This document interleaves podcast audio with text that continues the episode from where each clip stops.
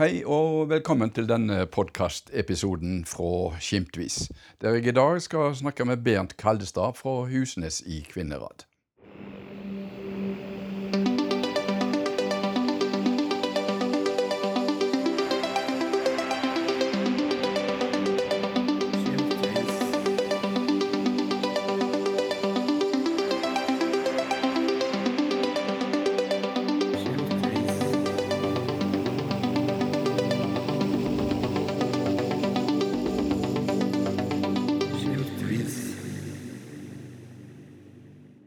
Du lytter nå på en podkast fra Skimtvis.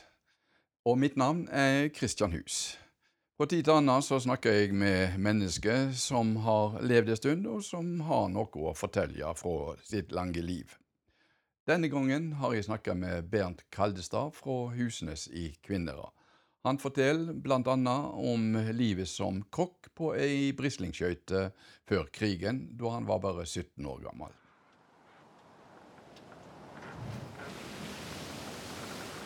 I 1939 så hyrte jeg meg som kokk på et fiskebruk og kokte til tolv mann. Ja, Da var du 17 år? Ja, jeg var 17 år. Ja, hadde du lært dette å koke, da? Nei, det var sånn som vi fikk lære hjemmefra. De levde, vi levde godt, Ja. men uh, lite penger. levde godt med lite penger.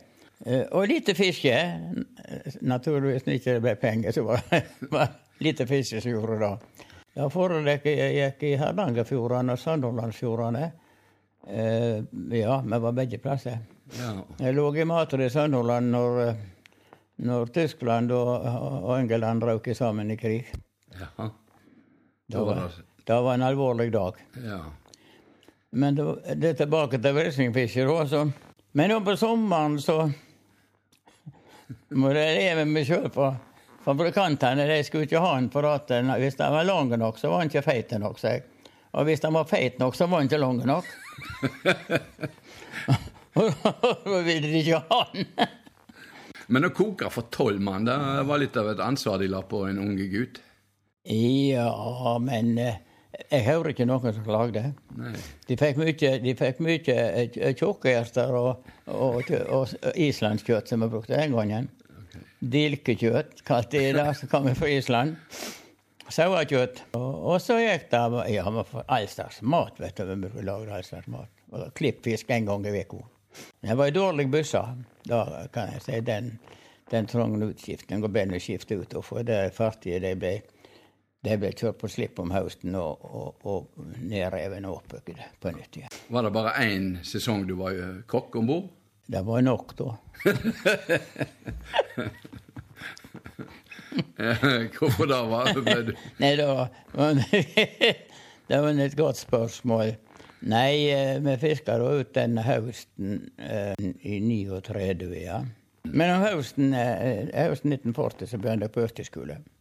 Ja, og da var krigen i full gang? Da var krigen i full gang. Da, eh, da var tyskerne kommet inn i Norge òg. Ja. Og da gikk jeg på den skolen i to år. Så folk Men har det eh, var alvorlige dager da, der altså. ja. Men du er over, over 94 år og bor alene sånn på Kaldestad. Hvordan er det da? Nei, det har nå gått, da, vet du. Det, eh, det er sånne nødsforanstaltninger du kommer ut for, vet du, så du er nødt til å godta det. Mm. Jeg har, jeg har levd i 14 år her alene, jeg. Og nå er du fremdeles kokk? Ja, jeg koker.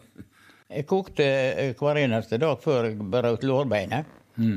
Men etterpå, så, nå så, så går jeg på forretningen, så kjøper jeg noen middager, kanskje en tre-fire stykker som jeg har i kjøleskapet.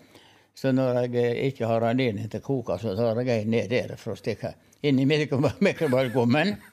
Og da er den ferdig. Ja. Du kjøper ikke kommunal middag, da? Nei, ja, da kunne du kjøpt, men du skjønner det, det, det, det er noe tull med de som styrer med på, i Kvinnherad. For når jeg kom fra Bakko i Odda, eh, så, eh, så for å si det òg, så kom det ei dame her. Og den første kvelden for å komme hjem og ville hjelpe meg og kreve meg. Og, jeg sa takk for tilbudet, sa jeg, men jeg skal klare meg sjøl. Nå, sa jeg. Klare meg sjøl. Men jeg kunne tenkt ikke å få middag hos dere. Ja, da, dere med rommet. Og dagen derpå så kommer det en sykepleier og ville bade meg. Og så sier jeg, takk for det, sier jeg, men jeg bad han jeg reiste fra Bakå i går. Jeg sier så kom gjennom en uke siden, sier jeg. Ja, det skulle hun gjøre. Mm. Og mens hun var her, da, så rømte de fra, fra, ja, fra Kvinnherad at jeg kunne de ikke få middag for etter nyåret. Og da var altså da var den 17. desember, og jeg kom hjem den 16. Mm. Og så sier jeg nei, de kan bare ha den, sier jeg, for det betyr ikke noe, for vi får det på forretningene i dag, sier jeg. Får en bedre middag på, på, på forretningene enn den som kommunen har. Det er godt å kunne gå på kjøkkenet og lage sin egen. Ja, eh, Nei, og så vet du at jeg, jeg har jo sauer og sauekjøtt i massevis. Så kjøtt kjøper aldri kjøtt. Nei. Nei, eh, nei jeg liker bedre sauekjøtt enn jeg gjør annet. Gris spiser jeg ikke. Med fisk, da? Fisk, ja. ja. Nei, fisk òg har gjort det. Jeg har ennå uh, steikefisk som ligger i frosen som fisk jeg fikk i fjor. Mm. Mm. Stekefisken står seg ganske lenge.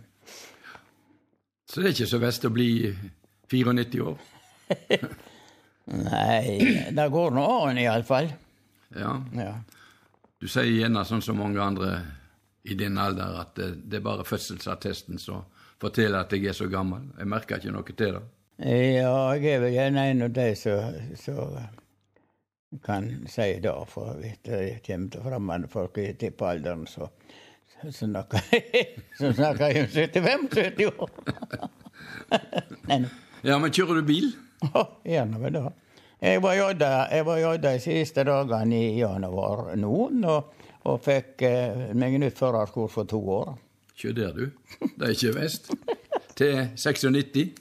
Ja, det er 95, ja. 95. 95, ja. 95. Ja, det er bra. Ja. To år om gangen i din alder. Ja, det er vel eh, Ja, det ble det blir det sjøl òg, altså. Jeg regner med jeg skal ha det for et år. altså. Doktoren må ha god tro på deg? Ja, det kan han godt ha. Hva, jeg kan godt si det òg, at um, jeg leser til med den siste linja på plakaten som han setter opp, at du skal lese, så øynene de er helt OK. Ok, ja. Så bra. Og da sa han til meg at du, du ser bedre i år som i fjor. Og i fjor hadde du to feil, sa han. ja. Dette lover bra. ja.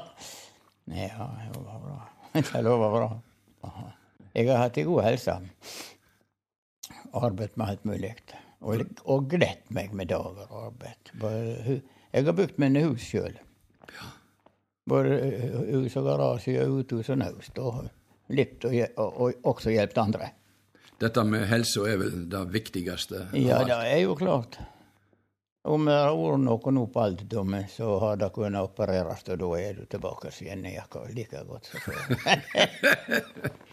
jeg er ikke redd kniven, altså. Du er ikke det? Nei, jeg er ikke redd kniven. Og sånn som kan opereres.